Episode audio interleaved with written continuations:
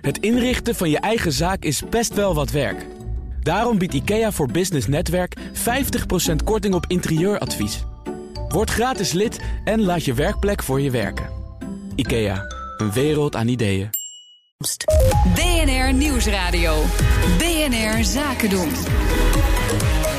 Thomas van Zeil. De gast is het boardroompanel van BNR. We kijken voorbij de fusie tussen Fiat Chrysler en PSA. Hoe wordt dat nieuwe bedrijf zo meteen bestuurd? En had Unilever zijn omzetwaarschuwing beter kunnen communiceren? Het panel bestaat overigens uit Louise Gunning... voorzitter van de Raad van Commissarissen bij Schiphol Group en OMVZ.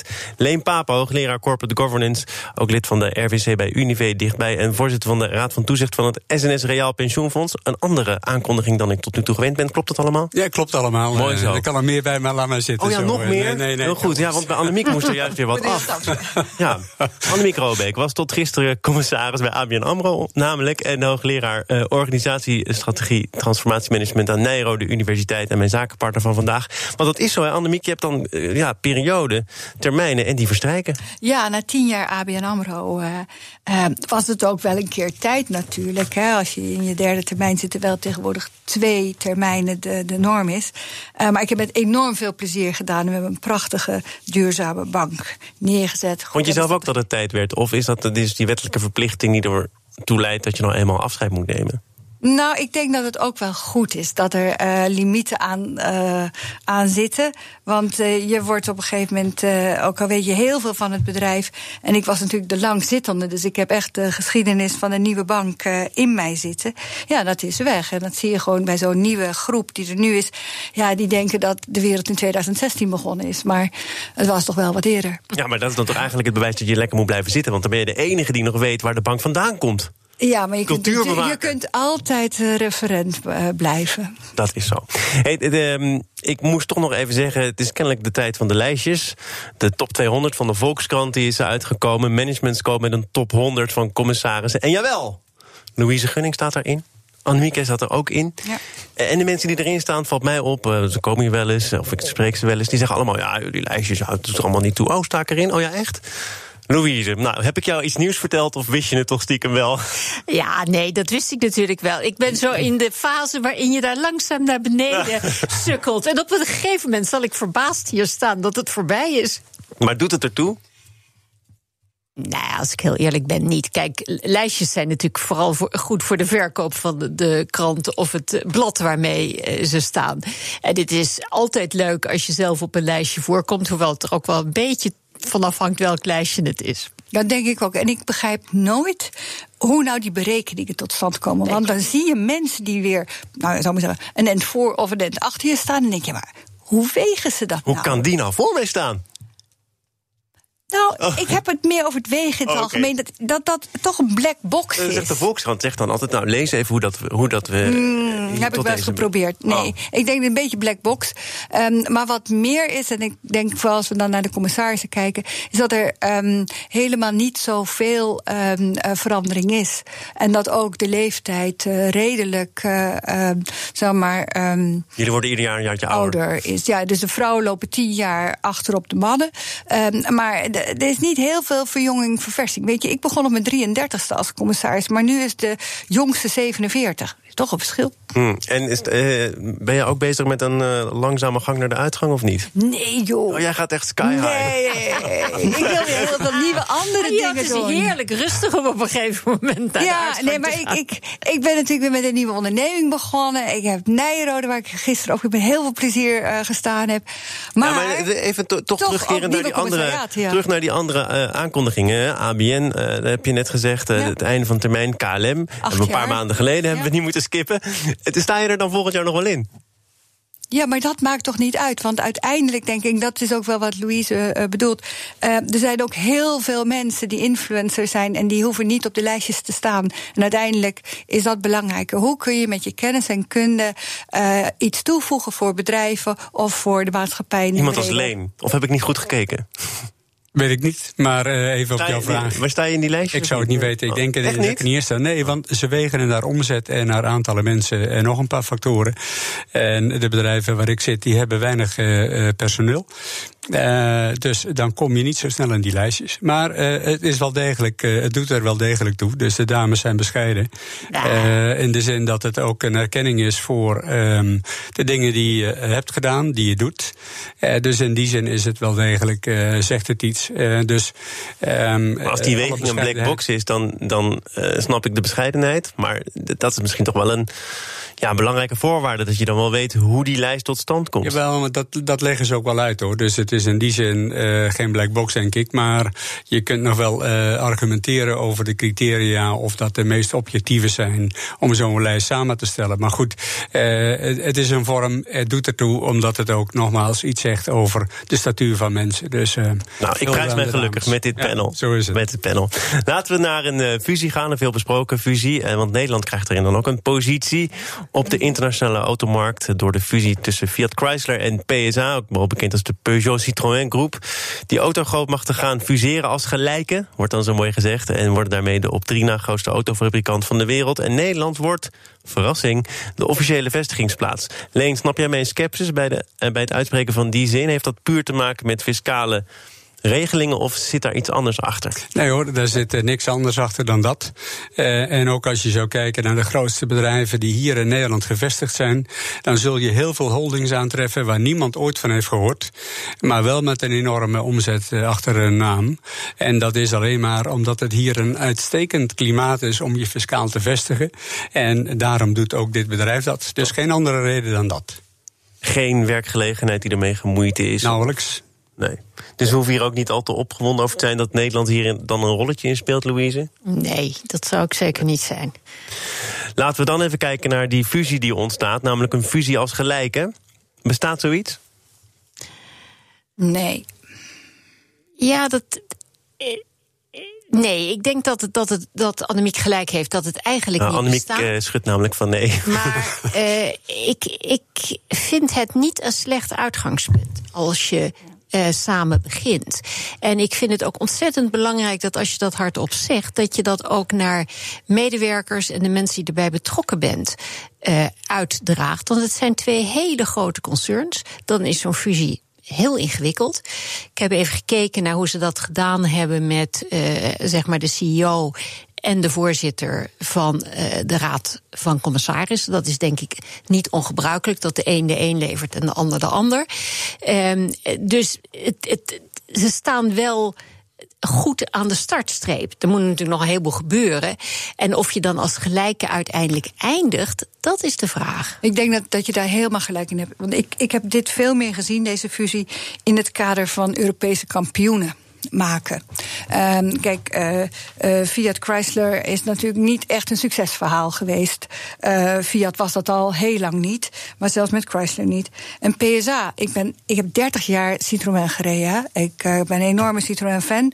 Maar ik ben toch naar de Japanner overgegaan. Omdat ik ook daar dacht van ja, die schommelsoftware. En daarmee sta je model voor heel veel mensen die misschien I niet vanwege de schommelsoftware, maar ook omdat. De model is niet meer zo mooi, de design het is een beetje goedkoper, veiliger, ja, noem ja. het maar. En dus ik denk van er is wel, en ik denk dat het ook ingegeven is, zeg maar, door meer, veel meer dat Europese landschap van ja, laten we ons nou uh, uh, nog meer, uh, ook op de automotive, uh, nog meer door de, uh, de Tesla's of de Japanners uh, overzwemmen. Of gaan we toch een Europese groep doen? En dit is natuurlijk wel iets wat zeg maar, vanuit zeg maar, de zuidelijke kant van Europa komt. Hè, want Parijs is ook al zuidelijk. Dus het is heel erg ook een Frans grandeur geste.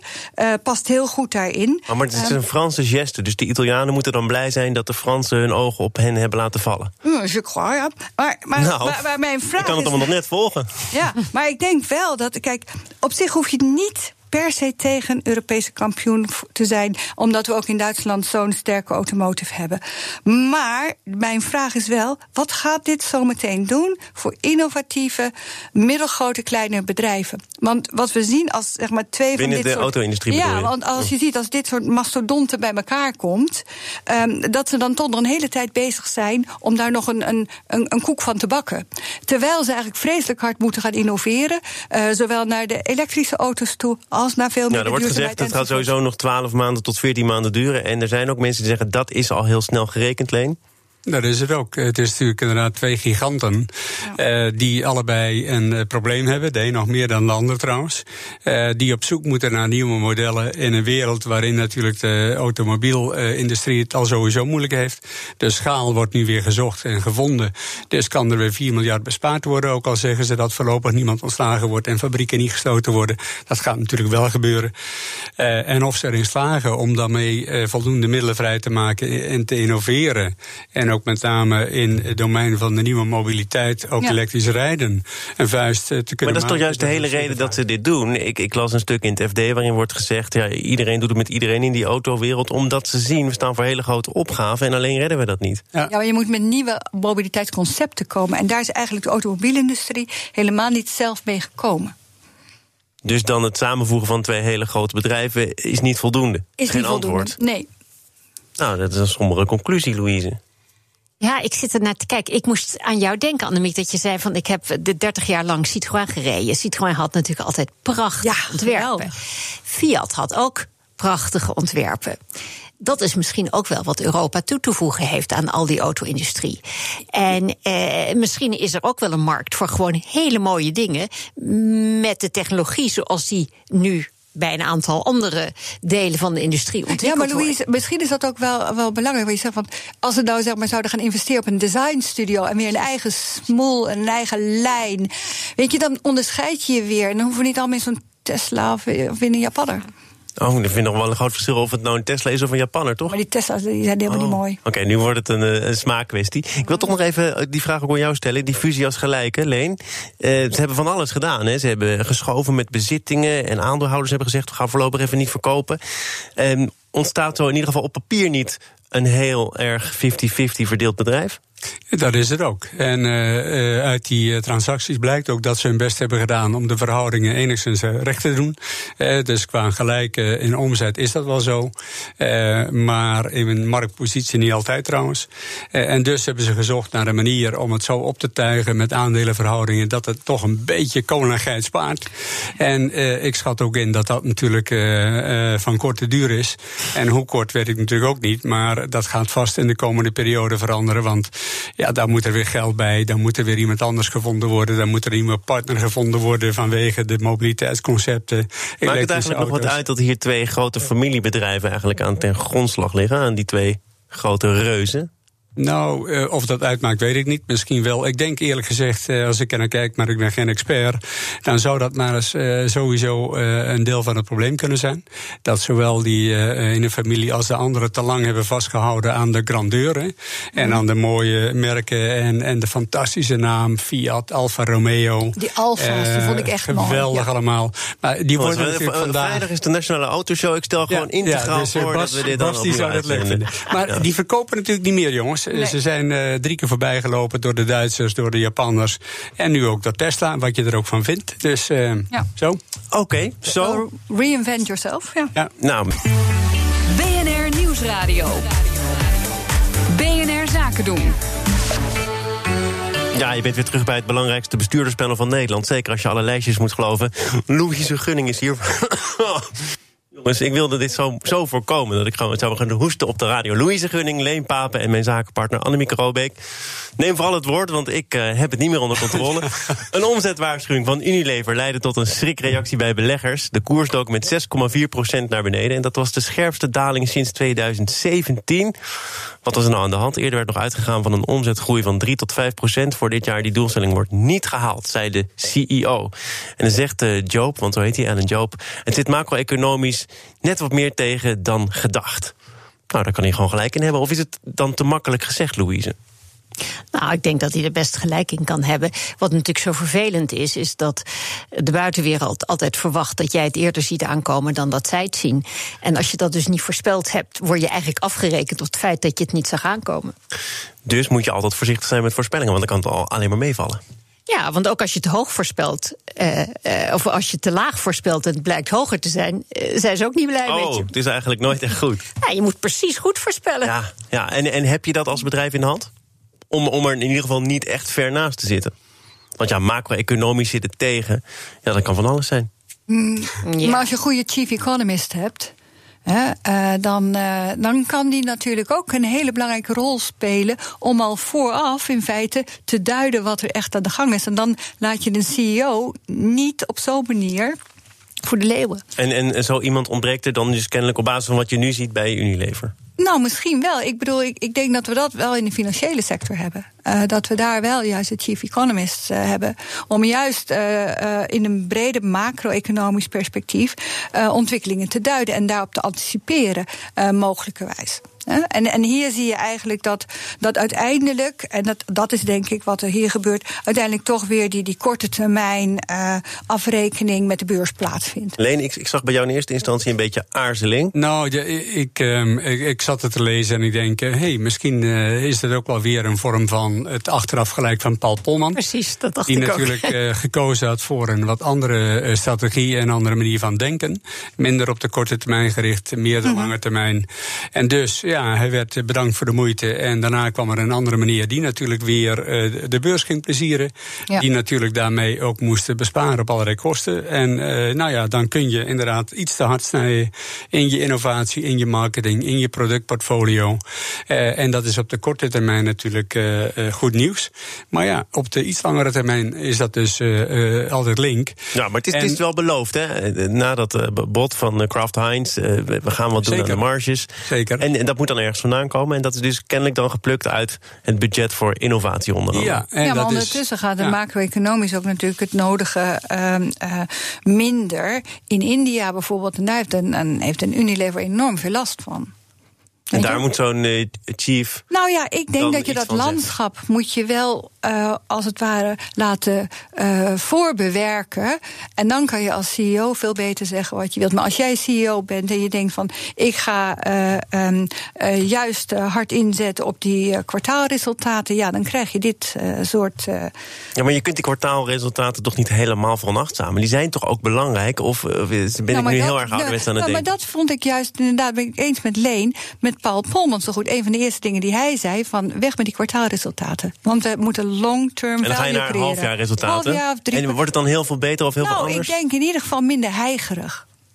Nou, ik denk dat het, dat het natuurlijk uh, een reactie geweest is op inderdaad die belofte om te bezuinigen en de marges te vergroten. Op een moment dat het toevallig, want zo werkt het voor een deel toevallig ook economisch wat slechter gaat. En dan is het een ongelukkige combinatie. Ja. Want dan heb je al je ruimte om te manoeuvreren, om dat een beetje op te vangen of een beetje aan te jagen, heb je eigenlijk uit handen gegeven. Mm -hmm. um, nu gaat het dus minder, met als gevolg nou, die, uh, die omzetgroei die tegenvalt en de reactie daarop een daling op de beurs. Is dat ook een signaal om dingen dan ook echt te gaan veranderen? Of zal deze CEO, die toch anders in de wedstrijd zit dan meneer Polman, het voorlopig op zijn beloop laten? Dat laatste al zeker niet. Hè. Dat uh, is niet hoe het werkt. Dus die gaat natuurlijk op zoek naar uh, niet alleen meer voorspelbaarheid, maar ook naar hoe kunnen we de omzet weer uh, laten groeien. En ook het resultaat. Dus ik denk niet dat zijn gedrag anders wordt. Nee, zeker niet. Misschien de keuzes die hij gaat maken zouden iets kunnen veranderen. maar in grote lijnen gaat hij zijn gedrag niet veranderen. Hij zit er net. dat zou ongeloofwaardig zijn.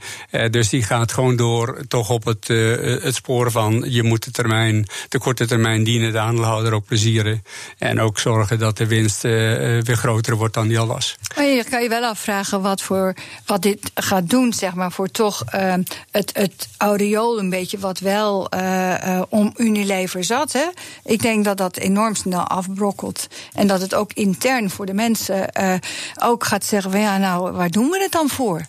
Wij gaan naar iets anders dat ook afbrokkelt. Dat is namelijk de plek van uh, Nederland op de Global Gender Gap Index van het World Economic Forum. Elf plaatsen gezakt. Ik kondigde aan dat we het hierover gingen hebben in het programma dat uh, voorafgaand aan BNR Zaken doen wordt uitgezonden door Jurgen Rijman. En daar was Marcel Canois te gast, een econoom die ook uh, vooral ja. veel weet over de gezondheidszorg. En die zei: dat kan je niet maken, dit onderzoek dat is zo slecht. Daar moet je geen aandacht aan besteden. Dus ik, nou ja, we gaan er niet helemaal aan ontkomen, maar uh, ik zal zorgen dat het panel zich er toch nog over buigt. Louise, heeft hij ergens gelijk of niet? Ik weet niet, ik heb helemaal niet, net zoals jij niet naar die achtergrond van de lijstjes hebt gekeken, heb ik niet naar de achtergrond van dit onderzoek gekeken. Um, en het kan best zijn dat een deel van van de inhaalslag van de landen die nu boven ons uitkomen een kwestie is van het netjes aanleveren van materiaal wat ze eerder niet hadden aangeleverd. Maar ik, als ik heel eerlijk ben, vind ik het ook wel verdiend van Nederland om naar beneden. Verdiend naar beneden? Ja, want ik vind dat we een aantal dingen gewoon niet op orde hebben. Dus uh, laat dat signaal maar binnenkomen. Misschien dat we ze dan op orde brengen. En dingen die we niet op orde hebben, dan gaat het met name over uh, politieke invloed, wordt heel duidelijk genoemd ja. van vrouwen. Uh, economische dat had je makkelijk kunnen, dat had je makkelijk kunnen regelen. Ja, behalve als je het een bijzaak vindt, zoals de premier dat ja, zei. Ja, maar Finland, dus Finland doet het dus anders. Gezien. Ja, maar als we kijken nu naar Finland, of we kijken naar een land als Rwanda, hè, die het zo anders doen. Dat is een duidelijke keuze vanuit de politiek om te laten zien, wij staan in die nieuwe tijd. En ik denk dat je, dat je wel uh, achter je oor moet krabbelen als je Rwanda voor je laat. Nou, ik heb nog niet eens zozeer de, de, soort landen wat uh, boven je uitkomt. Als je gewoon kijkt naar hoe we het in Nederland geregeld hebben. De, de, de, politieke invloed, al, we hebben net het quotum geïntroduceerd. Maar als ik kijk naar de manier waarop wij uh, gezinnen met jonge kinderen. Met een buitenschoolse opvang opzadelen die niet goed aansluit op de school. Met vakanties die niet makkelijk te organiseren zijn. Ik vind dat andere landen dat beter geregeld hebben. We hebben een slechte zwangerschapsverlofregeling.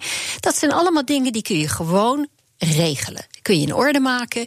En dan heb je het in ieder geval makkelijk gemaakt. En dat kost geld en dat moet je ervoor over hebben. Want het kost ja, als samenleving. Geld. Want je hebt daarmee ook de productiviteit van vrouwen weer terug. Nou, in een tijd dat je productiviteitsgroei zoekt, zou ik dat altijd doen. Ja, maar we zitten hier nog steeds, en dan denk ik, dat hebben we al eeuwen dat we hier tegen een muur van culturele vooroordelen uh, aan het opboksen zijn. Dat uh, in Nederland uh, het, het, gezin de hoeksteen is en dat met name dan de vrouwen dan thuis moeten zitten. Dus vrouwen die wel er vol ingaan, moeten zich ook altijd weer. Um, nou ja, legitimeren of zeggen van god, moet je nou echt zo hard werken? Ja, maar je wil een bijdrage leveren, weet je? En die gaat verder dan alleen het gezin. Want juist de bijdrage... Vrouwen die hard werken, die moeten dat vaker uitleggen. Ja, vind ik wel. Oké, okay, nou, dat weet ik niet. Ik ben geen vrouw. Nee. Ik heb wel een hardwerkende vriendin. Hm. Leen, ik heb jou nog niet gehoord.